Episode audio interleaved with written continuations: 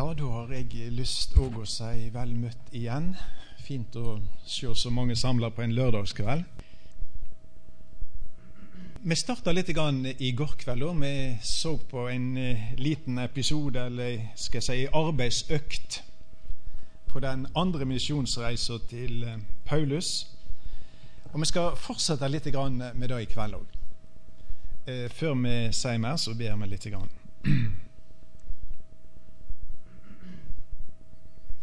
Gode himmelske Far, vi kommer inn for deg i Jesu navn. Din kjære Sønn, Jesu Kristi navn. Og så ber vi om nåde. Amen. Kanskje vi skal få opp kartet vårt i kveld og eh, Får du det litt større? Så skal vi bare knytte litt til det som vi snakket om i går. Og Det som eh, har skjedd her, altså, det er at eh, Paulus reise. den andre misjonsreisa starter her, og så går hun oppover her, og så går det over til Europa, og så virker han i Filippi. Og eh, etter han har blitt hudstrøken og kasta i fengsel, så må han videre, og da er det kurs mot neste by, som heter Tessalonika. Jeg tror det skal være ca. ti mil. Og Jeg sa i går at eh, kapittel 16 slutta med det, at jeg gikk videre. Jeg eh, lurer på Jeg nevnte vel det i går, og jeg skal tro hva som skulle stoppe den mannen. Jeg vet ikke hvor mye som skal til å stoppe oss. Det er ikke alltid så mye. Hvis det er litt motgang, hvis det er litt trøbbel, så er det veldig lett å trekke seg ut. Og så er det at vi slutter å vitne om Herren en eh, makelig anlagt òg i Guds rike i dag. Vi tåler fryktelig lite. Og det forundrer meg litt når jeg leser om denne mannen og jeg leser om andre tjenere i den første tida, hvor uhyre masse de tålte. Og hva er det som gjør det? Jeg tror det er hjertet som brenner. Og så har de et meget klart bud fra Herren at de skulle vitne, og de skulle tjene. Og Paulus han sier jo det en plass han har ikke noe valg. Jeg har ikke noe valg. Og han er tru, og han reiser. Og Nå reiste han altså da til Filippi, og så reiser han videre til Tessalonika. og Der eh, preiker han tre lørdager. Han oppsøker ikke teateret i Tessalonika. Han oppsøker ikke stadion. Det er ikke operaen han skal på. Men altså, han går i synagogen. Der er Guds folk, der er Guds eh, ord, og der begynner han. Sånn som vanlig. Og de har tilknytning til Skriftene. Han går ut ifra Skriftene, og så belyser han at den Jesus som jeg forkynner, sier Paulus, det er den Messias som profetene har talt om. Det er den Messias, det er den Kristus som Gamle testamentet har talt om. Han måtte dø, han måtte stå opp igjen. Det er den Jesus jeg forkynner. Og Resultatet her i, i apostelgjerningene 17 og vers 4, det er enormt. Jeg sa i går og streker under igjen det er forkynnelse, det er forkynnelse, det er forkynnelse. Det er Herrens ord, det er utlegging av Skriftene. Det er det han bruker. Det er det som er Guds metode for å gjøre under. Og nå gjør Gud under i Tessalonika, og det står at noen av dem i synagogen der ble overtydde, altså overbeviste. Fordi at Skriftene kan overbevise om folk. Det jeg ikke klarer, det klarer Skriftene. Og Det må vi som Guds folk minne hverandre om. Fordi at Vi står av og til i situasjoner så tenker vi her er det håpløst. Jeg klarer aldri å overbevise dette mennesket om dette med Jesus, dette med Gud og disse tingene. Du trenger ikke det, men du kan gi dem, og du kan bruke de skriftene som kan overbevise deg. Noen av disse jødene da ble overbeviste og gav seg i lag med Paulus og Silas. Det samme gjorde en stor flokk av de grekerne som dyrka Gud, og ikke få. Altså noen en stor flokk og ikke få av de fremste kvinnene. Så det skjer altså mirakel i Tessalonika. Det var godt han ikke reiste hjem etter Filippi. Det var godt de reiste til Tessalonika. Det var godt de fortsatte sånn som jeg hadde drevet på med før, å forkynne Herrens ord, og skjer under igjen. Sånn som det skjedde i Filippi, sånn som det senere skjer i Berua, sånn som det senere skjer i Aten. Det skjedde alle veier, men det var samme metode, det var samme budskap de brukte. Hvorfor tror ikke vi på det i dag? Eller så lite, skulle jeg heller sagt, som vi gjør. Vel, eh, det blir altså et nytt folk i Tessalonika, Og eh, vi sa litt om det, at de blir da kalt for Guds menighet eller Guds kirkeliv. Eh, hvis vi nå går til første Tessalonika-brev, og det tenkte jeg vi skulle se litt på i, i kveld, det første kapitlet i dette brevet. Når jeg tenkte litt på dette stoffet i første Tessalonika 1 i dag, så kom det for meg en liten episode fra ca. 30 år tilbake igjen i tid. Og Da var jeg på en, en weekend sammen med noen ungdommer oppe i, i Nordland. En styreviken oppe i Voss-traktene. Og når vi var samla der hele gjengen på første samlingen, så sier han lederen nå samler vi inn klokkene. Og så samler de inn alle klokkene. Og så sier han det skal få det igjen søndag ettermiddag. vi hadde en veldig flott weekend. Det var ikke tidspress i hele tatt. Når jeg tenker på det stoffet her i første Tessalonika, så burde vi samle inn klokkene. For her er utrolig masse stoff som vi burde preikt om, og det blir ofte så voldsomt hektisk og så fort. Men nå skal vi i hvert fall se litt på, på, disse tingene i kveld, og så skal jeg passe klokka. Så du skal ikke få panikk. Men jeg har lyst til å si det òg innledningsvis. Eh, det står altså i 1. Tessalonika-brev, kapittel 1, at Paulus, Silvanus og Timoteus er en flott trekløver. De er da avsendere av dette brevet til kirkelyen Jå tessalonikerne. Og Så sa jeg litt i går kveld om hva en kirkelig er, en menighet. Og sa at det greske ordet der er eklesia, det de utkalte. Nå sender Gud gjennom sine vitner et brev til de utkalte i Tessalonika. De som han har kalt ut av hedenskap, de som han har kalt ut av religiøs jøden, eh, jødedom. Og så oppstår dette nye folket som heter Guds menighet. De kristne, de truende, eh, Guds folk. Og så ser vi at de har ei dobbel adresse. Sant? For det første Guds kirke i Tessalonika. Og det er jo det naturlige, det geografiske. og Der finner du deg på kartet. Der er byen, der er folket. Men den andre adressen der er òg den er gnistrende fin. sant? Og jeg er sikker på at du som er en kristen, du, du er glad i den. For det er ikke bare i Tessalonika, men i Gud Fader og i Herren Jesus Kristus. Og Der har du den åndelige adressen til disse folkene. Vet du hva de hadde vært før? De hadde vært fiender av Gud. De hadde vært Guds motstandere. De hadde vært åndelige lik. De hadde stinka. De hadde vært en vederstyggelighet for den hellige og rettferdige Gud. Og så er det skjedd noe med dem, og så har de fått en ny adresse. Så har Gud flytta dem ut. Altså, Det er mange adresser i Bibelen. De fleste kanskje på Karmøy. De har ei adresse. De er på Karmøy. De er i Eierland bygd, og så er de i sine synder. Det er forferdelig. Men når Gud frelser et menneske, så han gir han en ny adresse. Og så heter det ikke at du er i dine synder lenger, men du er i Gud Fader og i Kristus Jesus. Og nå skal Jeg bare, jeg skal ikke si mye om det, men det er ei flott adresse. Og det er en uhyre trygg plass å leve. Det er en flott buplass. Jeg bor i, eh, på Osteren, jeg bor i Elvik, og jeg bor i Gud Fader. I Kristus. Det er en uhyre trygg plass å leve. Det er en uhyre trygg plass å dø. Og Vet du hva jeg sier og til til, til, til ungdommer i dag? Du må være klar til å dø. Ja, men Du må ikke skremme ungdommer, du må ikke si, si sånne ting til ungdommer. Altså, Livet er fryktelig usikkert. Hvor lever du? Lever du trygt? Ja, du lever trygt én plass. Du lever trygt når du er i Kristus. Du lever trygt når du er i Gud. Og da kan du møte døden, og du kan gå igjennom døden, og du kan stå framfor Gud trygg. Flott adresse. Utrolig flott adresse. Og så ser han videre her i um, vers 2. Ja, så sier han 'Nåde og fred være med deg'. Sånn begynner han. Det er flott, flott brev. 'Nåde og fred være med deg'. Og sånn slutter han første Tessalonikerbrev. Så begynner han andre Tessalonikerbrev. 'Nåde og fred være med deg'. Og så slutter han andre Tessalonikerbrev. 'Nåde og fred være med deg'. Vet du hvem det kan gjelde? Det kan gjelde alle de som har den adressa i Gud Fader, i Kristus Jesus.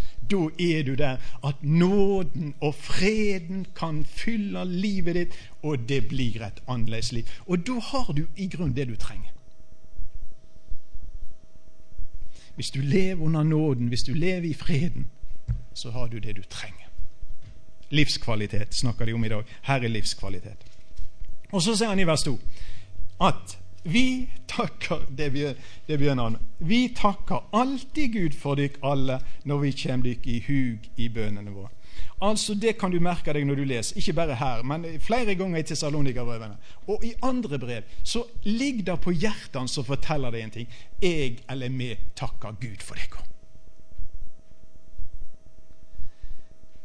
Og det er ikke noe han bare sier, men det er noe som ligger på hjertet hans fordi han skjønner at disse folkene er et guddommelig under. Det er Gud som har gjort dette, at de nå er hans, og han takker Gud for ikke mange.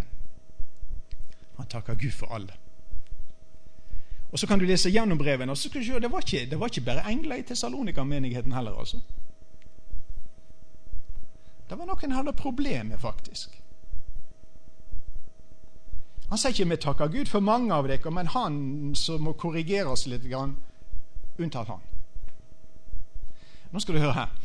Er et menneske frelst, så er det i en stilling da du og jeg har grunn til å takke Gud for det. Og kanskje vi er altfor lite flinke til det. Og det er ikke noe med å si det heller. Du må gjerne si det til noen. Jeg takker Gud for deg. Ikke fordi du er prektig, ikke fordi du er så spesielt åndelig, men for den nåden som Gud har gitt deg, og for det som Gud har gjort med deg, så takker jeg Gud for deg.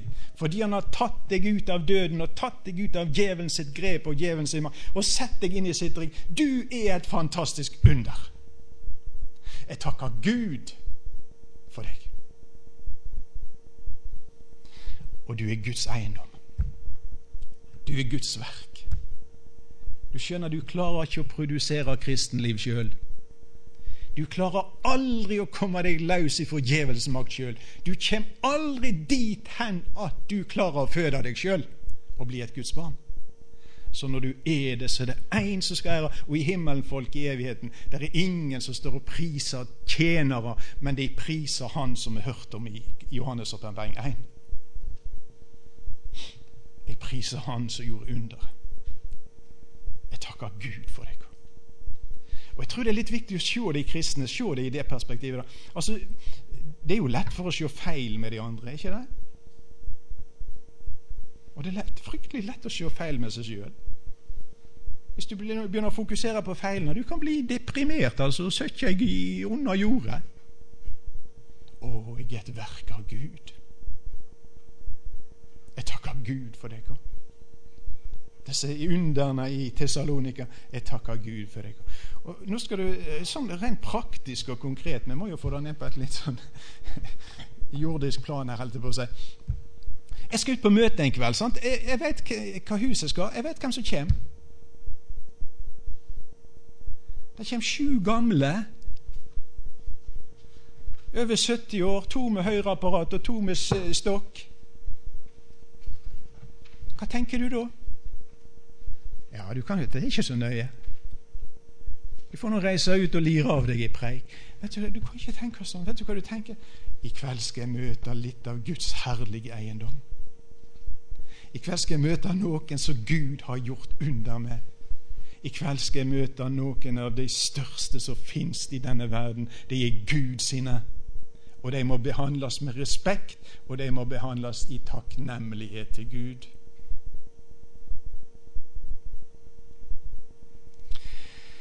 Vi takker alltid Gud for dere alle. Ja.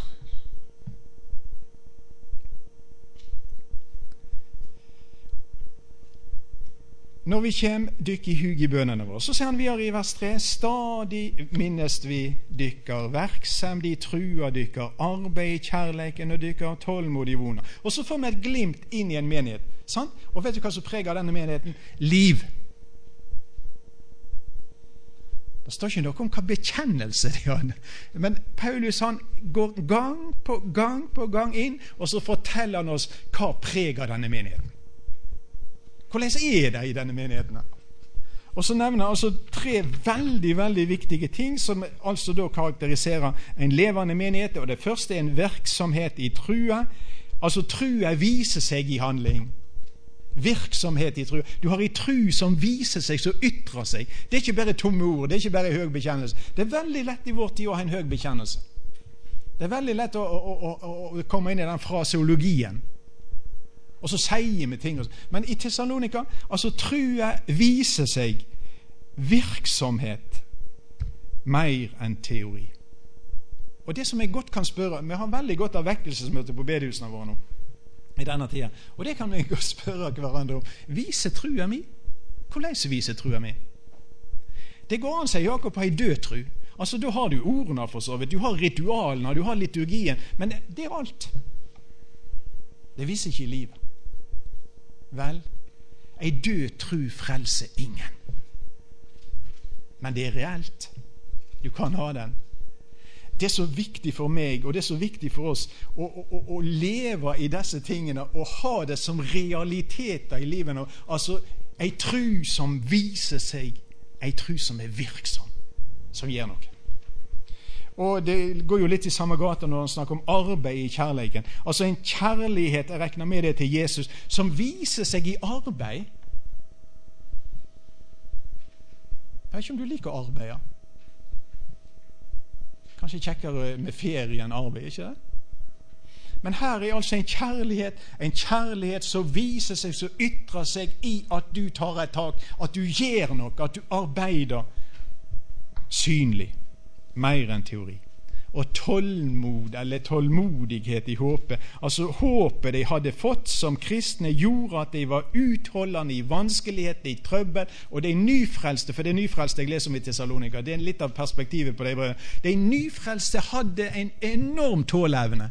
De holdt ut forfølgelse, de holdt ut eh, lidelser, og de hadde et veldig håp som gjorde at det bar igjennom. Tålmodig i håp. Jeg vet ikke hva som preger våre forsamlinger, men jeg håper det at disse tingene det er òg virkelighet i våre forsamlinger. Og I det fjerde verset så sier han sånn at vi veit at det er utvalgte brød, det som er elsket av Gud. Og Der sier han egentlig to ting som Gud sier om denne menigheten, eller disse kristne i Tessalonika. Han sier de er utvalgte, og de er elsket av Gud. Og nå, eh, nå, er jo her stoff for mange bibeltimer, helt sikkert. Og jeg er ikke i stand til å snakke mye om de tingene. da. Men hør denne ordet 'utvalgt'. Det har vært enorme diskusjoner oppe i kirkehistorie. Det har vært enorme diskusjoner. Hva går det der på å være utvalgt av Gud? Og Er det sånn at Gud liksom ser på, på, på, på ei trune i himmelen fra før tida var skapt? og så Du er utvalgt til frelse, du er utvalgt til fortapelse. Det er sånn det skjer. Og så møter jeg folk som spør liksom ja, Er jeg utvalgt? Kan jeg vite om jeg er utvalgt? Og så videre. Kan jeg vite om jeg elsker av Gud? Nå skal ikke jeg gå mye inn på det, men vet du hva Paulus sier? Jeg vet jeg er utvalgt. Han skriver til de kristne i Tessalonika og sier jeg vet det er utvalgt av Gud. jeg vet det elsk. Hvorfor det, Paulus? Og det som er svaret til Paulus, vet du hva det er? Det viser i livet deres. For det som har skjedd med dere i Tessalonika, det som har skjedd med dere når de har tatt imot Guds ord, og dette Guds ordet som gikk inn, som jeg sa litt om i går, det virker i livene av dere, og det har blitt noe nytt. Og når jeg ser de nye livene av dere, ser forandringene som har skjedd med dere De har forlatt hedenskapet, de har forlatt judaismen eller de tingene, og de har kommet ut og tror på Jesus. Da veit jeg at det er utvalgt av Gud. Og det er elska av Gud.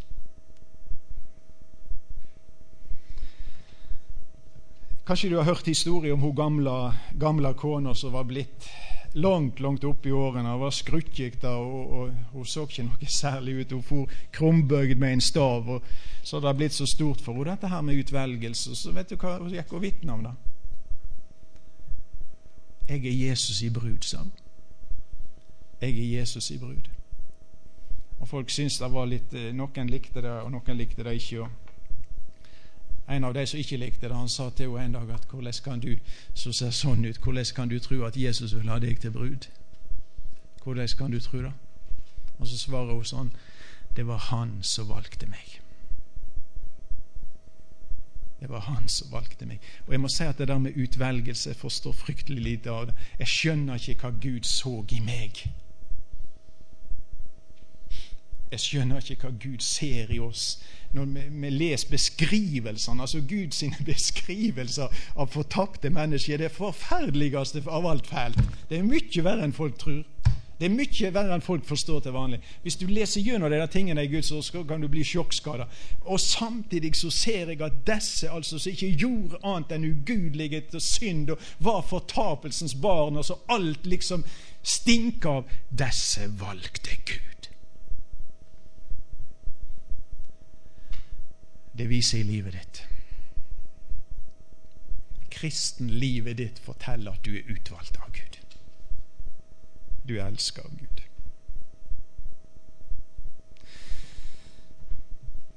I 2. Tessalonikerbrev 2 Vi må bare ta et lite, et lite sprang. 2. Tessalonikerbrev kapittel 2. Eh, så står det sånn i vers 13. Men for dykk, brød, som er elska av Herren, for dykk skylder vi alltid å takke Gud. Så kommer han tilbake igjen til det samme. Han, han blir ikke lei av å si det til deg. For dykk eh, skylder vi alltid å takke Gud fordi Han fra opphavet har valgt dykk ut til frelsa ved Andens helging og ved tru på sanninga.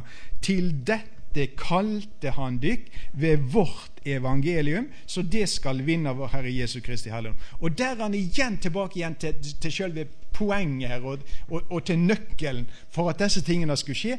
Altså, Hvordan har Gud kalt dere, og hvordan har Gud fått dere inn i denne sammenheng? Ved forkynnelsen av evangeliet. Og så har Gud brukt forkynnelsen av evangeliet til å kalle dere, og så har Den hellige ande virka gjennom forkynnelsen, og så har Gud fått dere på rett plass. Han som utvalgte dere ifra før verden skapes, han brukte evangeliet til å kalle dere inn i sin plan. Trenger jeg si det igjen?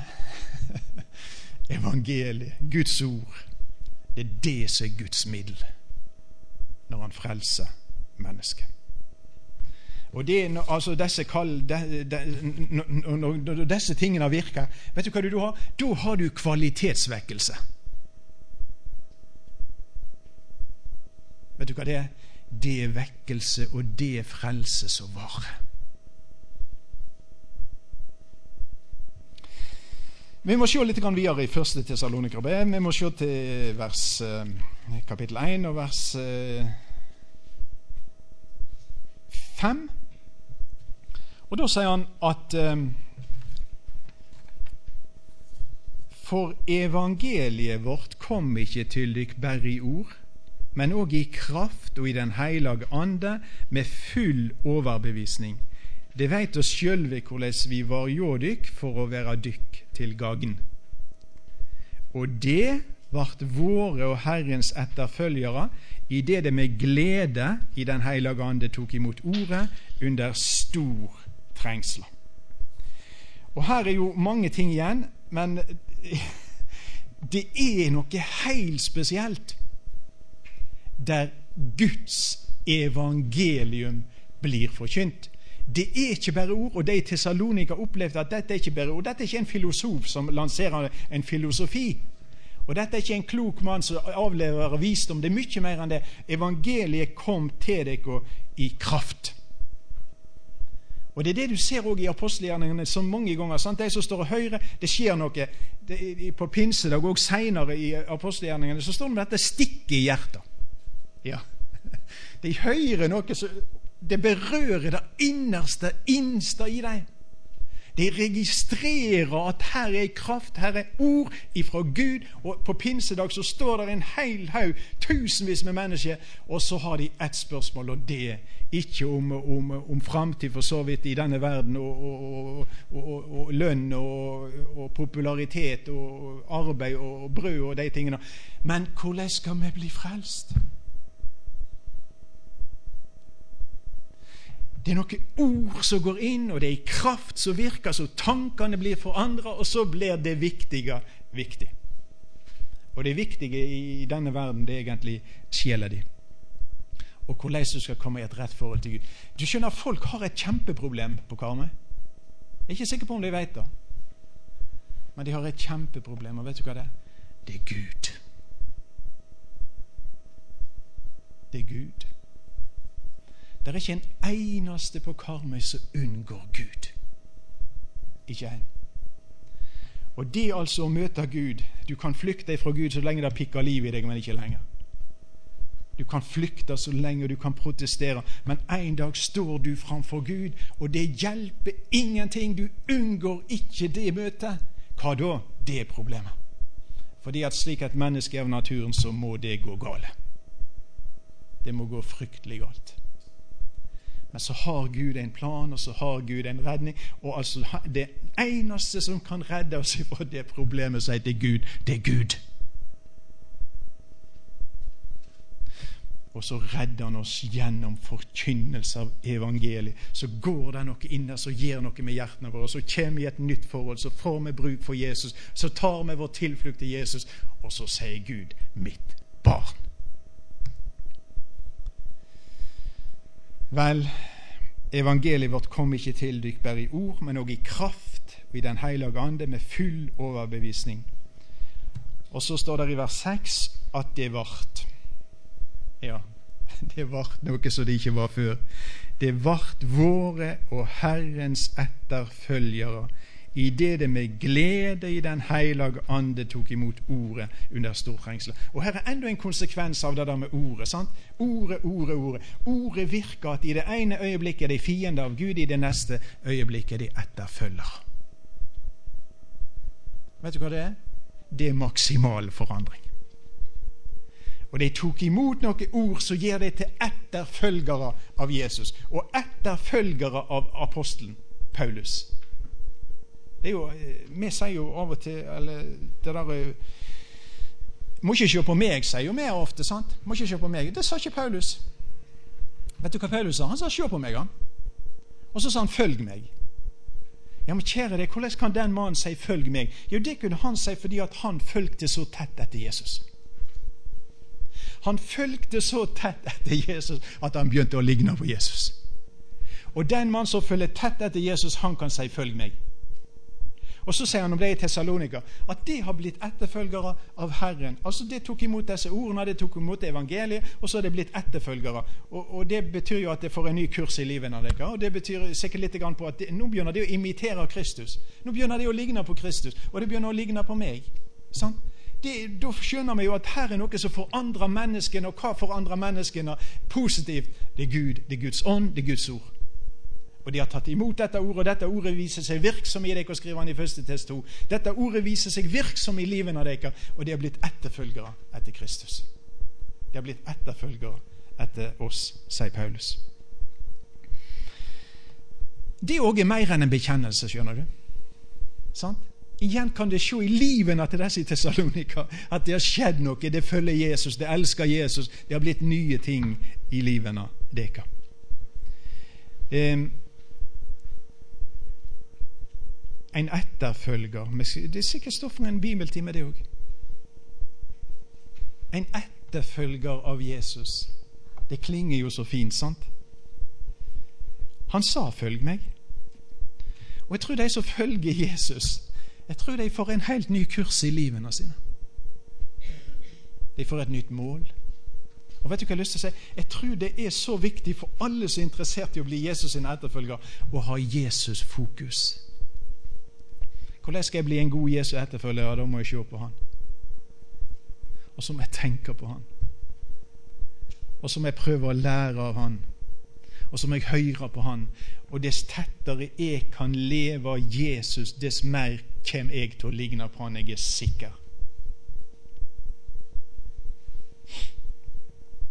Og dess tettere du kan leve av Jesus, dess mer kan du òg si til de andre følg meg.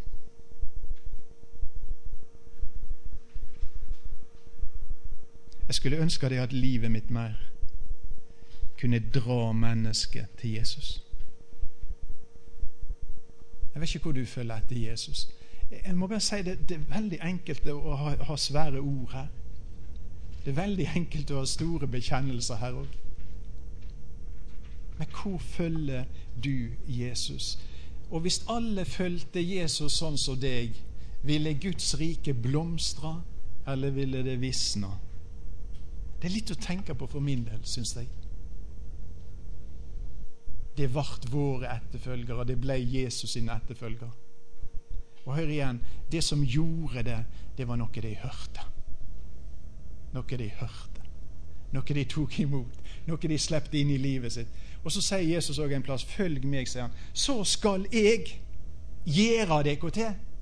Noe det ikke er akkurat her og nå, men det skal bli det. og Av og til så bruker det lang tid. Men jeg skal gjøre dere til menneskefiskere, sa han. Følg meg, så skal det verte. Ja, ja, men det er jeg som skal gjøre det. Altså Det er Jesus som subjekt, det er han som er hovedperson, og så skal du la han gjøre det. Følg meg. Det er masse folk som roper i verden i dag 'følg meg'. Og ungdommene som våre som vokser opp i dag, de hører tusen røster som sier 'følg meg'. Og som regel er det dårlige, folks, dårlige ideal. Og midt i dette virvaret står Jesus, og så sier han 'følg meg'.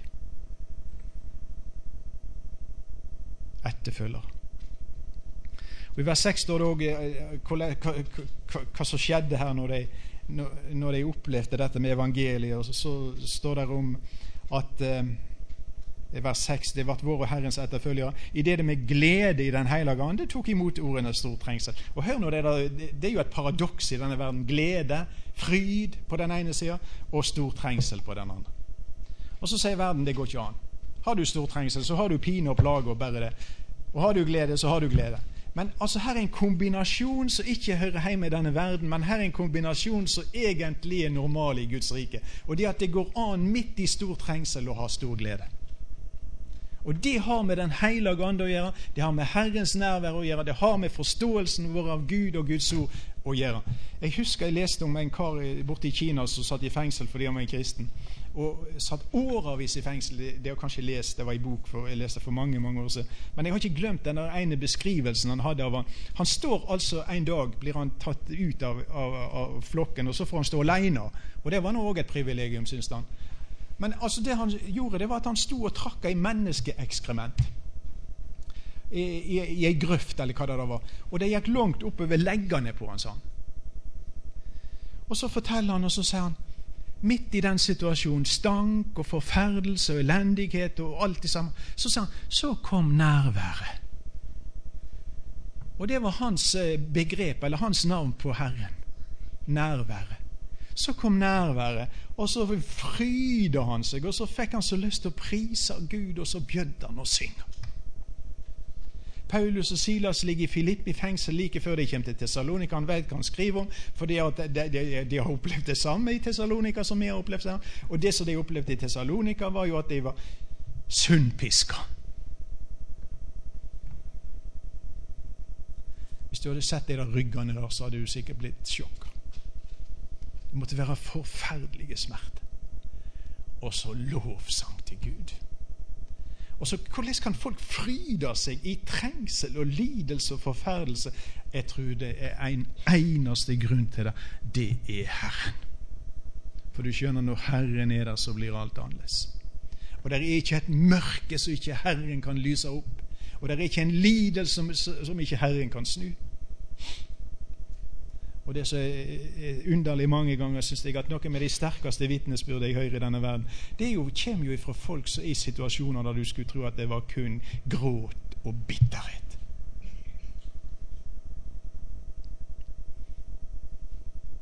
Ikke så lenge siden jeg leste om Joni, som dere sikkert har hørt om, altså, som har vært lam i 40 år.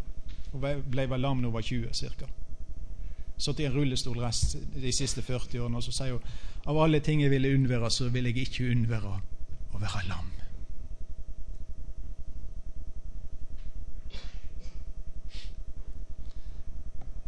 Verden skjønner noe når de ser sånne liv, og hører den tonen. Og så er det noen som kan fryde seg i smerte av en eneste grunn, og det er at Herren er der, og Herren velsigner. Vel um, Stor trengsel pluss glede. Og så står det i vers 7 det jeg gjør i kveld, er jo at jeg gir det som Paulus ba oss til slutten på dette brevet som jeg leste i går kveld. Jeg tar det hvor i ed, sa han, at jeg leser opp dette brevet for alle brødrene. Det er det jeg putler på med nå, bare til orientering. Ja. Så er det vers 7. Så leis har det blitt et føredom, et eksempel, et forbilde for alle de truende i Makedonia og Kaia. Jeg er så fascinert av de der tessalonikerne. Altså, av og til tenker jeg jeg, jeg jeg, leser jo litt i Bibelen, skjønner du. Og så tenker jeg, når jeg ser alle disse menighetene Du har galatere, du har romere, du har filippere, du har fesere, du har korintere osv. Hvis jeg hadde levd for 2000 år siden og hadde fritt valg, hva menighet ville jeg valgt? Jeg vet noen jeg ikke ville valgt. Veldig greit. Jeg tror ikke jeg ville etablert meg i Laudikea, f.eks. Ikke i Sardes, tror jeg heller. Men jeg må jo si at tessalonikere det tror jeg hadde kommet meget høyt på min ønskeliste. Jeg kunne godt tenkt meg noen år i Tessalonika-menigheten. Det er så masse flott. Og nå skal du høre her, Når Paulus altså skriver det, det første Tessalonika-brevet, så har disse sannsynligvis ikke vært kristne i mer enn maks ett år. Vet du hva folk, folk det er da? Ja, da er det nyfrelste, da. Vi leser om. I første og andre Tessalonika-brev det er da brevene har kommet tett etter hverandre. Men sannsynligvis har ikke de vært kristne i mer enn toppen et år. Det hadde seg nemlig sånn at når Paulus nå måtte reise ifra eh, Tessalonika Han ble jo evakuert derifra for han møtte motstand. Så kommer han til Berøa, og så møter han motstand der. og Så må han evakueres derifra, så kommer han til Aten. Og da holder han ikke det ut lenger, for han har en forferdelig sjelepine. Hvordan har det gått med de nyfrelste i Tessalonika? Og vet du hva han Da gjør? Da sender han Timoteus tilbake igjen fra Aten, og så sender han Timoteus til Tessalonika og Så går det en stund, og Paulus beveger seg videre til Korint. Og når Paulus er i Korint, så kommer Timoteus tilbake fra Tessalonika og gir rapport om menigheten i Tessalonika. Og da setter Paulus seg og skriver første Tessalonika-brev. Det er bakgrunnen. Og det bobler over gang på gang. Og som jeg sier, Han takker Gud, han fryder seg, for han ser at det som Gud har starta i Tessalonika, det er ekte saker, og det holder. Og Så skriver han da til dem at det har blitt et føredømme for alle de truende i Makedonia og Akaia. Eh, Makedonia ser det Akaia litt lenger sør disse områdene her, så skriver han de truende, det nyfrelste i Tessalonika, de har blitt et forbilde for de andre truende i store geografiske områder. Er det mulig? Ja, det er det. Det var det som var realitetene. Disse hadde blitt forbilde for andre truende. Hør på det. Nyfrelste og forbilde. Og Paulus skriver jo til enkeltmennesker. Han skriver jo til Timoteus, eh, som òg er en ungdom. Vær et forbilde. Vi tenker for negativt av og til. Og så tenker vi som regel sånn at det nytter ikke, og det går ikke. Jeg kan jo ikke være et forbilde for annen Jo visst kan du det. Altså, Gud legger til rette for det. og Hvis vi vil gå i skole og Gud, og hvis vi vil la oss disiplinere av Gud og lære av Gud og praktisere det Gud ønsker, så kan faktisk jeg og du bli forbilde for andre òg. Jeg er helt sikker. Og jeg sier igjen, verden er full av dårlige forbilder. Jeg skulle ønske at Gud reiser opp unge gutter og jenter og menn og damer i dag som jeg kunne få forbilde, slik som disse i Tessalonika, som kunne dra menneskene rette veien. Være et forbilde med økonomien din, vær et forbilde med prioriteringene dine. vær et forbilde med eh, lesestoffet ditt, hva du ser, hva du hører. og disse ting. Vær et forbilde og dra mennesket rette veien.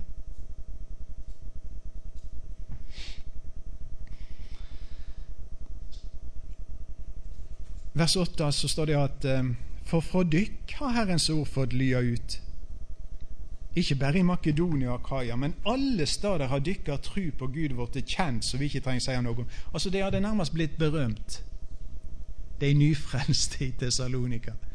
Og så hadde de altså hørt noe, og det de hadde hørt Nå vi tilbake igjen apostelgjerningene fire. Det de hadde hørt, tok sånn tak i dem at det måtte de fortelle videre.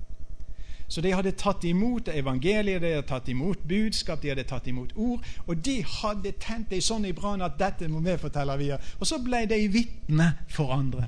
Ja. Og jeg spør Guds folk i dag hva har Guds ord gjort med deg? Hva har Bibelen gjort med oss folk? Alt vi har hørt, alt vi har lest, hva ble det av det? Forbilde. Vi snakker jo om, om Dødehavet, sant, som ikke, ikke har utløp, som bare har innløp.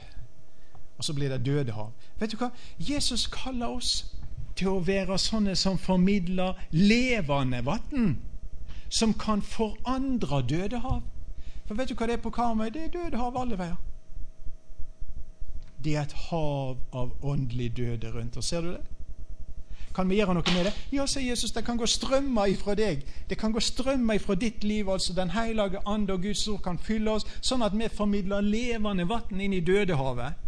Havet av døde, sånn at mennesket kan komme til liv i Gud. Er det mulig? Ja, det er mulig. Ellers er Bibelen feil.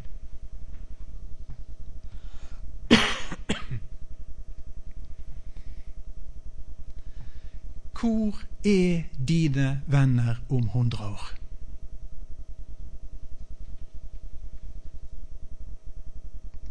Hvor er dine venner om 10 000 år? Hvor er dine venner om 100 000 år? De er enten i himmelen eller i helvete. Og vet du hva som er viktig? Det at de får inn noe av det levende vann som kan forandre døde havet og gi evig liv. Vet du hva det mest forargelige er med misjonsbefalingen? Hun er så klar. Jeg kan aldri stå framfor Jesus en dag og si 'Nei, dette skjønte jeg ikke'. Jeg er ikke noen teolog, så jeg skjønte ikke det der med misjonsbefal. Altså, det er så enkel en gutt og en jente kan skjønne det, og jeg har fått et bud fra Herren om å være med og forkynne, være med og dele ut, være med og servere livets brød. Ok, mennesket sin evighet avhenger av det. Gud velsigne deg til å være med. For evangeliet er fremdeles Evangeliet er fremdeles Guds kraft til frelse. Og så må vi se i vers 9, nå nærmer jeg meg slutten, for de forteller sjøl om den inngangen vi fikk. jo altså når, når, Paulus kommer rundt, og så er det folk som forteller om hva som hadde skjedd i Tessalonika. Altså Det går rykte om disse tingene. Det var i vidåpen dør, sant? Og, det, og det skjedde fantastisk flotte ting. Og så står det at det vender om til Gud ifra avgudene for å tjene den levende og sanne Gud. Og Der iallfall-stoff det er en bibeltime, sant? Men de hadde altså en erfaring, disse Tessalonika. De hadde en erfaring av å vende seg ifra noe og vende seg til noe. Og det beskriver han på den måten at det vendte dere ifra avgudene. Det var masse avguder i, i, i Tessalonika. Det var avguder for alle behov. Du vet Menneskene har laga seg avguder etter hva behov de har. Og I Tessalonika var det haugevis med avguder. Men når Paulus taler om avguder, så kan det, kan det nesten virke som om han motsier seg sjøl. For i første Korinterbrev f.eks. så sier han det fins ingen avguder. Jeg tror han sier det et par ganger til korinteren. Det fins ingen avgud. Og Samtidig så advarer han imot avgudsdyrking. Han, ikke bare der, men òg i Kolosserbrevet og andre plasser, så, av, så, så, snakker han om avgudsdyrking. Og det siste Johannes skriver i første brevet sitt, det er 'vokt dere for avgudene'. Men så forklarer altså Paulus da at det, det er ikke selve disse statuene, eller det er ikke disse steinene, eller det er ikke disse fysiske tingene deres. Det er ikke det som er farlig med avgudsdyrking, men det er åndene, sier han. Det er åndene som er dette her. Det er det som er skummelt. Du skjønner det at Gud har sitt rike, men Satan har sitt rike òg. Og så bruker han altså avguder, så bruker han ting, og så bruker han personer, og så bruker han ved si ånd, så bruker han disse tingene, og så er det kreft i disse tingene, og så skal dette dra menneskene vekk ifra den sanne Gud. Og i Tessalonika var det masse avguder. Og de gikk der og tjente disse avgudene. Og de tilba disse avgudene, hedningene. Sånn? Og de ofra til avgudene. Helt inntil de kom og hørte noe som gjorde at det sto noen tomme plasser igjen ved avgudene. Altså det minka på de der avgudsdyrkermenighetene. Fordi at det var noen som var slutta å gå der. Ja, hvor var de henne? Nei, de var begynt å tjene den eneste sanne Gud. Og jeg vet ikke, men jeg tror faktisk det, det er aktuelt å preke om avguder i Norge òg i dag. Ja, det tror jeg. Det er masse avguder i Norge. Det er åndskamp. Det er enorme åndskrefter som er i sving, og det reises opp mange avguder i folket vårt. Om jeg kunne sikkert navngi det det, det, det, altså, Du føler liksom at Hvor skal du begynne når det gjelder de tingene der? Men sånn som materialisme. Hvor mange ligger på kne for materialismen sin avgud i Norge i dag? Og avguden, han sier 'jeg gir'. Tilbe meg. Jeg gir, tilbe meg. Jeg gir, tilbe meg. Og så kommer folk springende, og så, og så tilbyr de materialismens avgud. Og så lever de livene sine der de fylles mer og mer og mer med tomhet. Profeten sier det fulgte de tomme avgudene, og det blei sjøl tomme. Jeg tenker av og til på det i dag når vi, når vi har vitnemøter og sånne ting. Det er stokkende stilt, altså. Og det er i, i møtelokalet. Ja, hvordan er det da utenfor møtelokalet? Er Guds folk blitt tomme, som ikke har noe å si om Herren? Det fulgte de tomme avgudene, og de ble sjøl tomme. Du, du, har sport, du har sex, du har rus, du har menneske, du har parti, du har organisasjoner.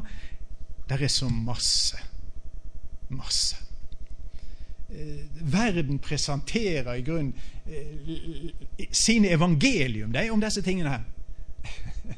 De har et evangelium om mat i verden. Hvis du leser ukeblad og sånne ting, så skal du se det, det, det er noen ting som går igjen hele veien. Altså, eh, bare, bare, du får den og den maten, så blir du lykkelig. Eller bare du får de og de klærne, så blir du lykkelig. Eller bare du får den og den underholdningen, så blir du lykkelig. Eller bare du lever i umoral. Du skal bli lykkelig altså hvis du hyver deg ut i umoral og, og skeier ut og lever etter dine lyster og alt dette. Altså Det er verden sine evangelium som drar folk imot avguder, og bak dette står ånder som altså ønsker å ta, ta folket vekk fra den plassen der Gud har tenkt å ha det, nemlig å ha Han som Gud. Og Mennesker lager seg avguder, og av og til lager de seg avguder i religionsnavn. Da blir det så flott, skjønner du. Tenk på all den tempelprostitusjonen som, som er fremdeles i verden. Altså det, Da kan du leve ut lystene dine, og så gir du deg religion sitt navn. og Da blir det jo veldig bra. Og, og, og, og, sport og musikk og alle disse tingene. Altså Hvis du går inn i det, det, det tar et enormt grep på folk. Et enormt grep på folk. Sjøl er jeg interessert i sport, og jeg vet litt om det kreftene osv. Altså, det er ingenting som samler så mye folk i, i Europa i dag som en liten lerkule med luft i. Og Når de altså kan gi 800 millioner mennesker for å kjøpe en fotballspiller, kan du tenke deg hva det der pengene kunne vært brukt til? Skikkelig kollekte. På et bedehus på Karmøyene. 800 millioner. Ja. Og det der investerer de, og så er det underholdning. Sant? Brød og sirkusbrød. Og så, og så skal det fylle et tomrom i, i sjelen av folk. Ja, hva blir det? De blir tomme. Og noen av de som kommer aller lengst i popularitet i denne verden, kommer aller lengst opp i økonomisk velstand, vet du hva? De tar livene sine. Og når avgudene, eller når Satan bak disse avgudene gir, så gir han alltid for å ta. Han sa det en ungdom vi hadde på leir. Jeg glemmer aldri det vitnesbyrdet.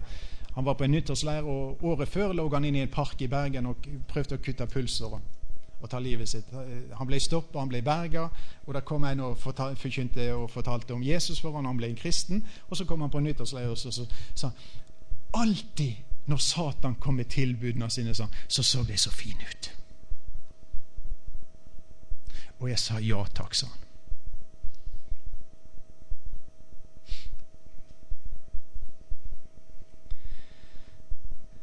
I Bergens Tid den 29. juli 09 sto det på første sida med store bokstaver altså Bergens Tidende er hovedavisa i Bergen 40 000 helfrelste fans tilba Madonna.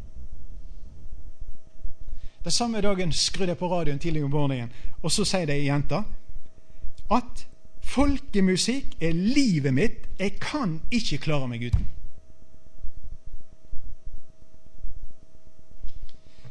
hver dag i lenge perioder har jeg lest om i avisene om Michael Jackson.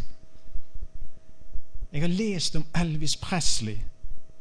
Jeg har lest om fotballag som blir dyrka som religion. Hva er alt dette? Vi kunne fortsatt i det vi gjør. det. Hva er alt dette? Dette er en åndskamp, og det er krefter som er i sving for å dra mennesket ut ifra den rette plassen som Gud har tenkt de skal i samfunnet med sin sønn.